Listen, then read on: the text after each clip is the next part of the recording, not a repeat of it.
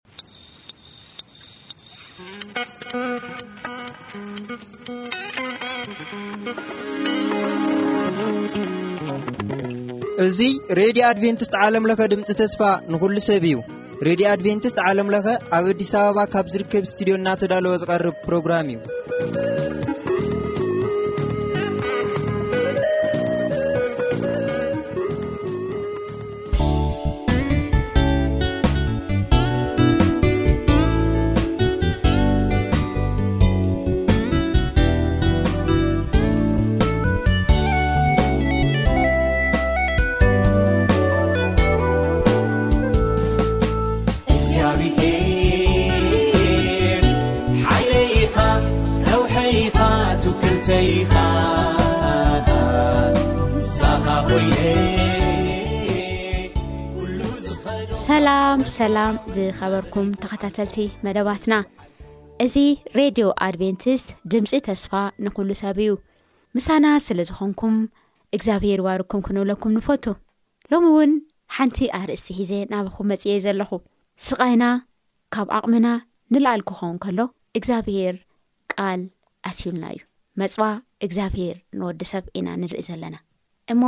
ኣብ እሳያስ ምዕራፍ ኣርብዓን ሰለስተን ኩሊና ንፈልጦ ጥቅሲ ኣሎ እሱ ጥቅሲ ኣንቢብና ጸሎት ክንገብር ኢና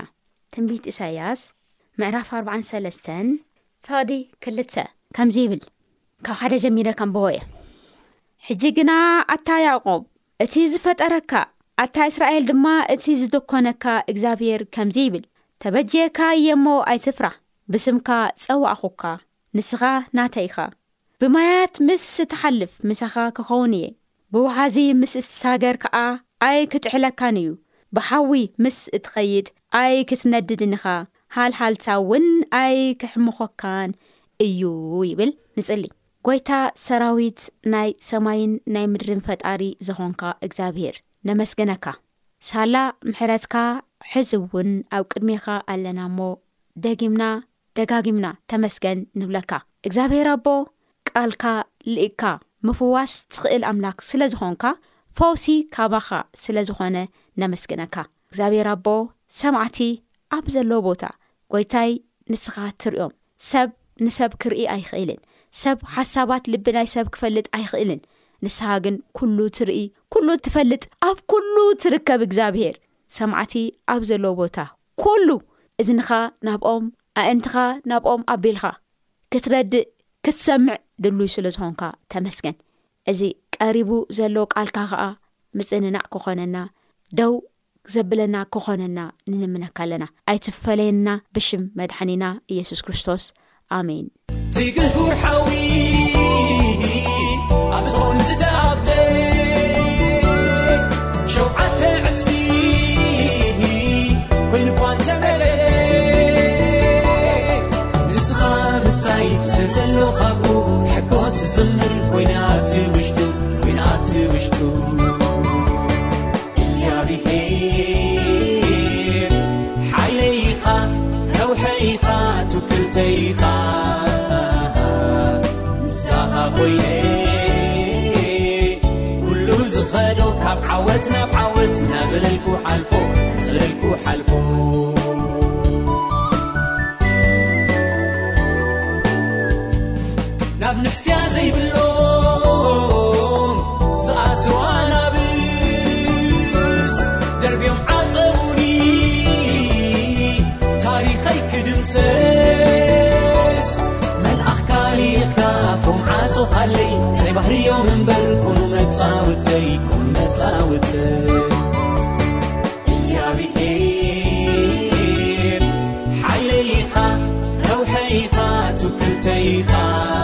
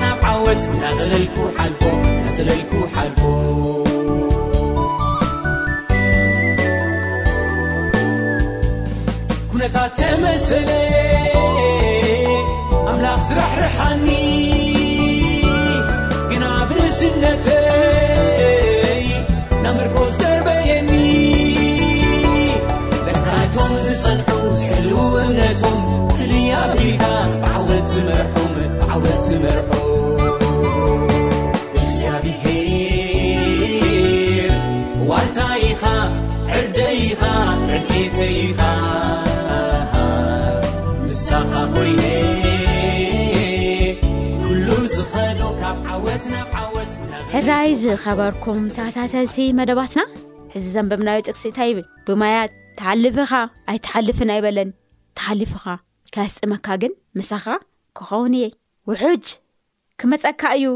እቲ ውሑጅ ገልበጥጥ ላለ ክወስደካ እንተ በለ ምሳኻ ክኸውን እየ ከድሕን እየ ሃል ሃል ዝብል ሓዊ ውሽጢ ተኣቲኻ ከይትኣቲ ክክልክለካ ኣይኾነን ኣብቲ ውሽጢ ሓዊ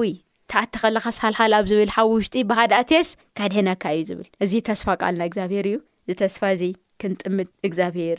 ይርዳና ኣብ ካልኣይ ቆሮንቶስ ምዕራፍ ዓስርተ ክልተ ፍቕዲ ትሽዓተ ከምዚ ይብል ንሱ ኸኣ ሓይለይ ብድኻምካ እዩ ዝፍጸም እሞ፣ ጸጋይ ይኣኽለካ በለኒ። ሓይለይ ብድኻምካ ይፍጸም፣ ኣብቲ ዝጨነቀካ፣ ኣብቲ ዝኸበደካ፣ ኣብቲ ዝደኸምካዮ ነገር ኣብኡ ናተይ ሓይሊ ይፍጸም እዩ፣ ስለዚ ጸጋይ ይኣኽለካ ይብል እግዚኣብሄር። መከራ ክንእገስ ኢና ተመሪጽና። እዚ ንምንታይ እዩ እንተ ኢልና ከኣ ክርስቶስ ኣብ ውሽጥና ክዓቢ ዝደለዮ ነገር ኣሎ ማለት እዩ። ክቡር ነገር ርእዮ ኣሎ ማለት እዩ ኣብ ውሽጥና ትዕግስቲ ብምፍጣር ተዓጊስና ነዚ መከራ እዚ ክንሃልፍ ከለና ኣብ ውሽጥና ዝዓቢ ነገር ከም ዘሎ ክርስቶስ ርእዩና እዩ እግዚኣብሄር ርእዩልና ኣሎ ማለት እዩ ኣብ ውሽጥና ንክብሩ ዝኸውን ምንም ነገር ከይረአ እግዚኣብሔር ንኣና ከጠንክረና ክድግፈና ግዜ ኣየጥፍእን ምክንያቱም ንዘይጠቅም እምኒ ወይ ከዓ እንተደብረ ዝተናዕቐ እምኒ ኣልዕሉስ እንደገና ከጠንክሮ ኢሉ እግዚኣብሔር ኣይጭነቀሉን ስለዚ ሓና ክቡራት ኣእማን ኢና ወርቂ እንቁ ኣብ ቅድሚ እግዚኣብሔር ካብ ዝተላዓለ ከጠንክረና ክረድአና ክድግፈና እግዚኣብሔር ብመከራ ክንሓልፍ ይገብረና ግን ምሳና ኮይኑ ይሓልፍ ኣይንሪኦ ኢና ዘለና እበር ምሳና ኮይኑ ይሓልፍ እዩ ዘሎ ምክንያቱ ብኡ ክትሃልፍ ከለካ ምሳካ ክኸውን እየ ኢሉና እዩ ኣይርዳኣና ክኾኑ እዩ ግን እዚ ህድእ ኢልና እግዚኣብሄር ምሳና እናሓለፈ ምህላዩ ንዘክር ሮሜ ሸሞንተ ፍቅዲ ስራን ሸሞንተ እንታይ ይብል ከምዘ ይብል ነቶም ንኣምላኽ ዘፍቅሩ ከም ምኽሩ እውን እተፀውዑ ግና ኩሉ ንሰናይ ከም ዝድግፎም ንፈልጥ ኢና ይብል ነቶም ንኣምላኽ ዘፍቅሩ ከም ምኽሩ እውን እተፀውዑ ማለት እዩ ኩሉ ሰናይ እዩ፣ ንብዓትና ሰናይ እዩ፣ ስቓይና ሰናይ እዩ፣ እቲ ዝወርደና ዘሎ መከራ ኩሉ ነቶም ንኣምላኽ ነፍቅር ኣምላኻዊ ልብና ንዝገበርና ሰባት ሰናይ እዩ።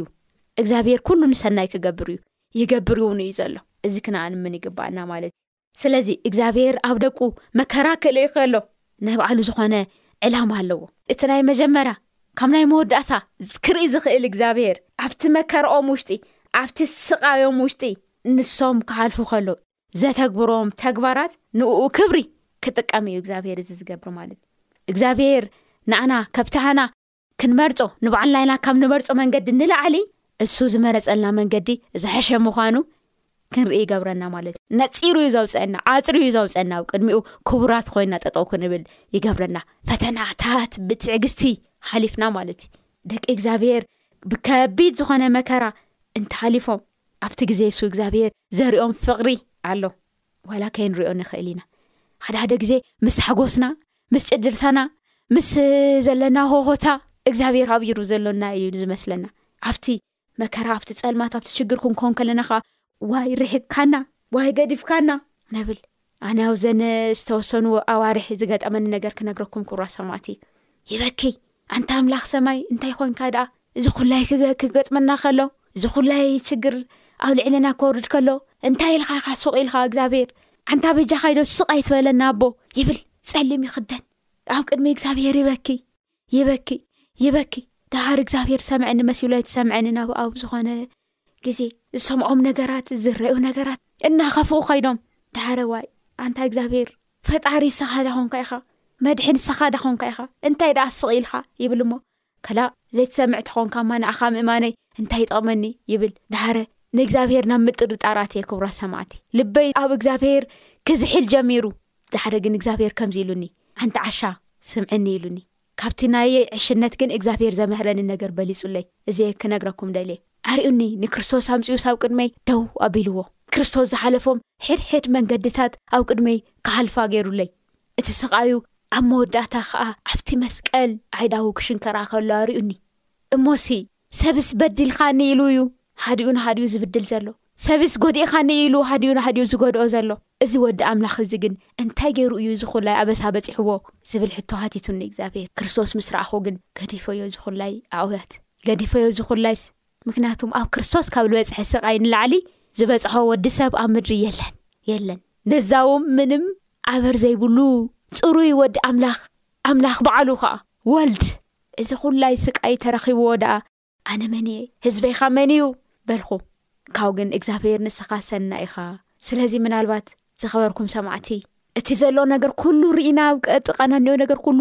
ካብ ኣቕምና ንላዕሊ ስለ ዝኾነ ጽልምት ኢሉናሲ ኣብ እምነትና፣ ኣብቲ ደው ዝበልናዮ ተስፋ፣ ጥርጣሬ እንተፈጢርና ከምዚ ከማይ ዝነገርኩኩም እግዚኣብሄር ዓቢ እዩ ኣብ መንም ሰብ ዝበጽሕ ዘሎ ስቓይ ክርስቶስ ካብ ዝበጽሖ ስቓይ ዝበዝሕ ኣይኮነን ስለዚ በዚ ንጸናና ምክንያቱ እንታይ እዩ ምክንያቱ እንታይ እዩ እዛ ምድሪ እዚኣ ቀታሊ ነፍሲ ዝተባሃለ ጸልማት ጥራሕ ዝፈቱ እቲ ሓሳዊ በቲ ሓሳዊ እያ ትምራሕ ማለት እዩ ካብ ዝተላዓለ ክንዲ ንምግላጹ ዝኸብ ክብድ ጸገም ኣብ ልዕሊ ጸገም ኣብ ህዝቢ ይበጽሕ እዩ። ኣብ ገዛኻ፣ ኣብ ጎረባብትኻ፣ ኣብ ማህበረሰብካ ይበጽሕ እዩ። ዝኾነ ይኹን ግን ክርስቶስ ካብ ዝረኸቦ መከራ ኣይበልጽን። ክርስቶስ ምእንታይ፣ ክርስቶስ ምእንታኻ፣ ክርስቶስ ምእንታኺ፣ ክርስቶስ ምእንታኹም ምስ ንኩሌና ካብ ዝገበሮ መከራ ኣይበልጽን። ስለዚ ተስፋና ከይንድብሪ እቲ መከራ ካብ ዓቕሚና ንላዕሊ ክኾን ከሎ ናብ ክርስቶስ ንጠምት ካብኡ ነገርና ኩሉ ተሰባቢሩ እዩ ዝወድቕ ስለዚ ኣብ ማንኛውም ድንገተኛ ዝኾነ ነገር ኣብ ህይወትና ደበኽ ብዝበለ ነገር ውሽጢ ጥበብ ናይ ኣምላኽ ንድለይ ብሕድሕድ መከራና ውሽጢ ካብቲ መከራና ንወፀሉ መንገዲ ከርእና ናብ ክርስቶስ ንለምን ሽዑ ግዜ ዓዒንትና ይኽፈት እዩ መፍትሒ ከዓ ንርኢ ኢና ኣብ ቅዱስ ቃል ውሽጢ ተመስገበ ፈዋሲ ዝኾነ ናይ ተስፋ ቃላት ኣብ ልዕሌና ይፈስስ በቲ ሽዑ ግዜ ነቲ ብነፍስና ንዝደኸምናዮ ነገር ሓጺቡ ዘውጽእ ተስፋ እግዚኣብሄር ኣብ ልብና ይፈስስ ማለት እዩ በዚ መንገዲ እዚ ክንካይድ ከለና ጸላኢ ናብ ብክያት ናብ ዘይምእማን ንኣና ካብ ምምራ መንገዱ ስኢኑ ይኸይድ ብተጻራሪ ግን ኣብ ጎይታና ኣብ ኣምላኽና ኣብ ኣብ መድሃኒና እምነትን ተስፋን ድፍረትን ንረክብ ማለት ሕድህድ መሪር ዝኾነ ድርቂ ምስ ፍቕሪ ክርስቶስ ዝተሓወሰ ይኸውን ማለት ኣብቲ ዘሎ መራራ መሪር ዝኾነ ኩነታት ካብ ምምራር እቲ ናይ ፍቕሪ ክርስቶስ ካብቲ ስቓይ ዝበዝሕ ካብ ምዃኑ ዝተላዓለ ቅዱስ ዝኾነ ሓጎስ ከም ዝለወጠና ንምስክር ኢና ትንቢትናሆም መራፍ ሓደ ፍቕዲ ሸተ ትንቢትናሆም መራፍ ሓደ ፍቕዲ ሸተ ከምዚ ይብል እግዚኣብሔር ሰና እዩ ብመዓልቲ ፀበባ ዕርዲ እዩ ነቶም ኣብኡ እተማዕቘቡ ድማ ይፈልጦም እዩ። ኣሜን። ሰናይ እዩ፣ ኣብ መከራ ግዜ ዕርድና እዩ፣ ካብኡ ኸኣ ንእኡ ተስፋ ንዚገብሩ፣ ንእኡ መዕቈቢ ኪዀኖም ንዚሓቱ ኸኣ እንታይ እዩ? ይፈልጦም እዩ። ስለዚ፣ እቲ ሰናይ ዝዀነ እግዚኣብሄር፣ መዕቈቢና ዝዀነ እግዚኣብሄር፣ ክንፈልጦ ከም ዝግብኣና ይነግረና ካልኣይ ቆሮንቶስ ምዕራፍ ኣርባዕተ ፍቕዲ ሸሞንተ ከምዚ ይብል ብዅሉ ወገን ንጽቀጥ ግና ኣይጸበናን እንገብሮ ይጠፍኣና ግና ከዓ ተስፋ ኣይንቀብጽን ኢና ይብል ኣሜን ኣንታ ከመይ ዝበለ ደስ ዝብል ቃል እዩ እዙ ብዅሉ ወገን እንታይ ንግበር ንጽቀጥ ግናኻ ኣይጸበናን ኣይጸበናን እዩ ኣሜን ክንገብሮ ከኣ ክጠፈእና ከሎ ተስፋ ግን ኣይንቆርጽን እግዚኣብሔር ይመስገን እዚ ኣምላኽ እዚ እዩ ዘለና ስለዚ ኣብዚ ኣምላኽ እዚ ንደገፍ ደገፍና ንገብሮ ሓይልና ንግበሮ እቲ ፍቱይ ዝኾነ መድሃኒና ኣብቲ ዘድልየና ኣብታ ትክክል ኣብ ዝኾነት ግዜ ረድኤቱ ክልእኸልና እዩ ናብ ሰማይ ዝወስድ መንገዲ ናቱ ዱካ ዝዓረፈሉ ስለ ዝኾነ ዝተፈለየ እዩ ዝተፈለዩ ክብሮ ሰማት በቲ መንገዲ እሱ ናትና እግሪ ዝወግዕ እሾህ ኩሉ ናይ ክርስቶስ እግሪ እውን ወግእዎ እዩ ስለዚ ክንጾሮ ዝጸወዐና ሕድሕድ መስቀል ንሱ ኣቐዲሙ ጸይርዎ እዩ እግዚኣብሔር ናይ ነብሲ ሰላም ናይ ነብሲ ደህንነት ንክህሉ እንታይ ይገብር ዝተፈላለዩ ጎንፅታት ኣብ ህይወትና ክኸውን ይፈቅድ እዩ በቲ ፈተና ክንሃልፍ ይፈቅድ እዩ ኣብ ሰማይ ዘሎ ኣቦና እቲ ዘድልየና ነገር ንክህበና ኣሕና ካብ ንሃስቦም መንገድታት ኣሕና ካብ ንፈልጦም መንገድታት ኣእላፍ ዝኾኑ መንገድታት ኣለዎም ኣለዎ እግዚኣብሄር ኣለዎ መንገዲ እግዚኣብሄር ኣለዎ ጎዳና እግዚኣብሄር ኣገልግሎት እግዚኣብሄር ክብሪ እግዚኣብሄር ካብ ኩሉ ንቅድሚት ዝገበሩ ኩሎም ናይ ሂወቶም መምርሒ ገይሮም እዚ ዝተቀበሉ ኩሎም ጭንቀት ካብኦም ክርሕቕ እዩ። ነቲ ኣእጋሮም መርገጺ ዝኸውን ስሙር ዝኾነ ጽቡቕ ዝኾነ ስፍራ እውን ክረኽቡ እዮም። መዝሙር ዳዊት ሚእትን ዕስራን ሓደን ፍቕዲ ክልተ ከምዚ ይብል፣ ረድኤተይሲ ካብቲ ሰማይን ምድርን ዝገበረ እግዚኣብሄር እዩ ዝመጸኒ። ረድኤተይ ካብ ኣሕዋተይ ኣይኾነይ፣ ካብ ወለደይ ኣይኾነይ፣ ካብ መራሕተይ ኣይኾነን፣ ካብቶም ኣነ ዝፈትዮም ዝረድኡኒ፣ ኢለ ልንጽበዮም ኣይኾነን ካብ መን እዩ ካብ ሰማይን ምድርን ዝገበረ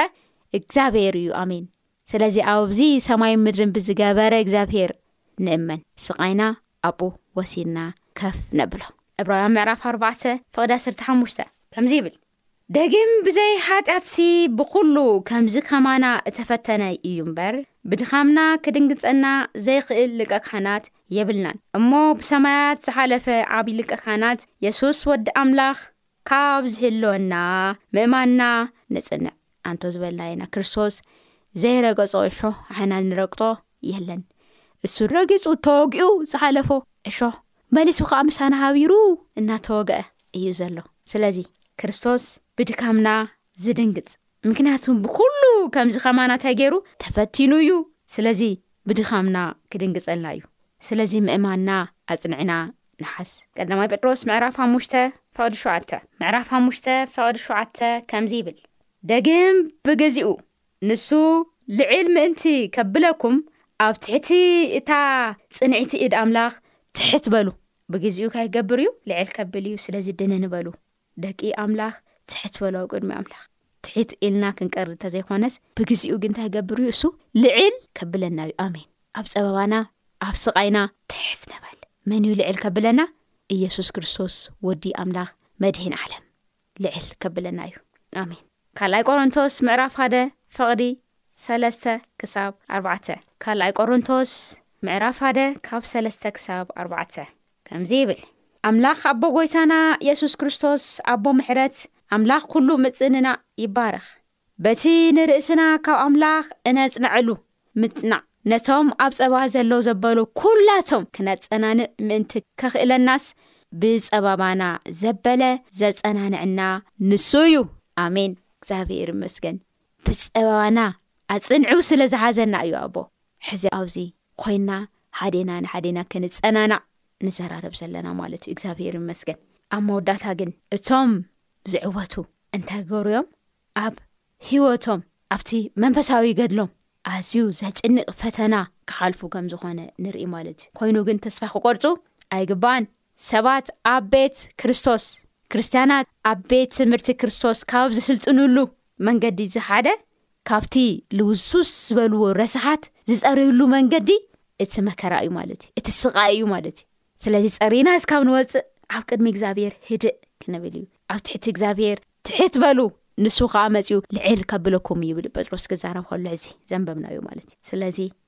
ክንጥንክር ክንብርትዕ ቃል ኣምላኽ ይነግረና እዩ። መዝሙር ዳዊት ዓርብዓን ሽዱሽተን ፍቕዲ ሓደ ክሳብ ሰለስተ ከምዚ ይብል ኣምላኽ ንኣና መዕቆብን ሓይልን ብብጸበባ ፍጡን ረድኤትን እዩ። ስለዚ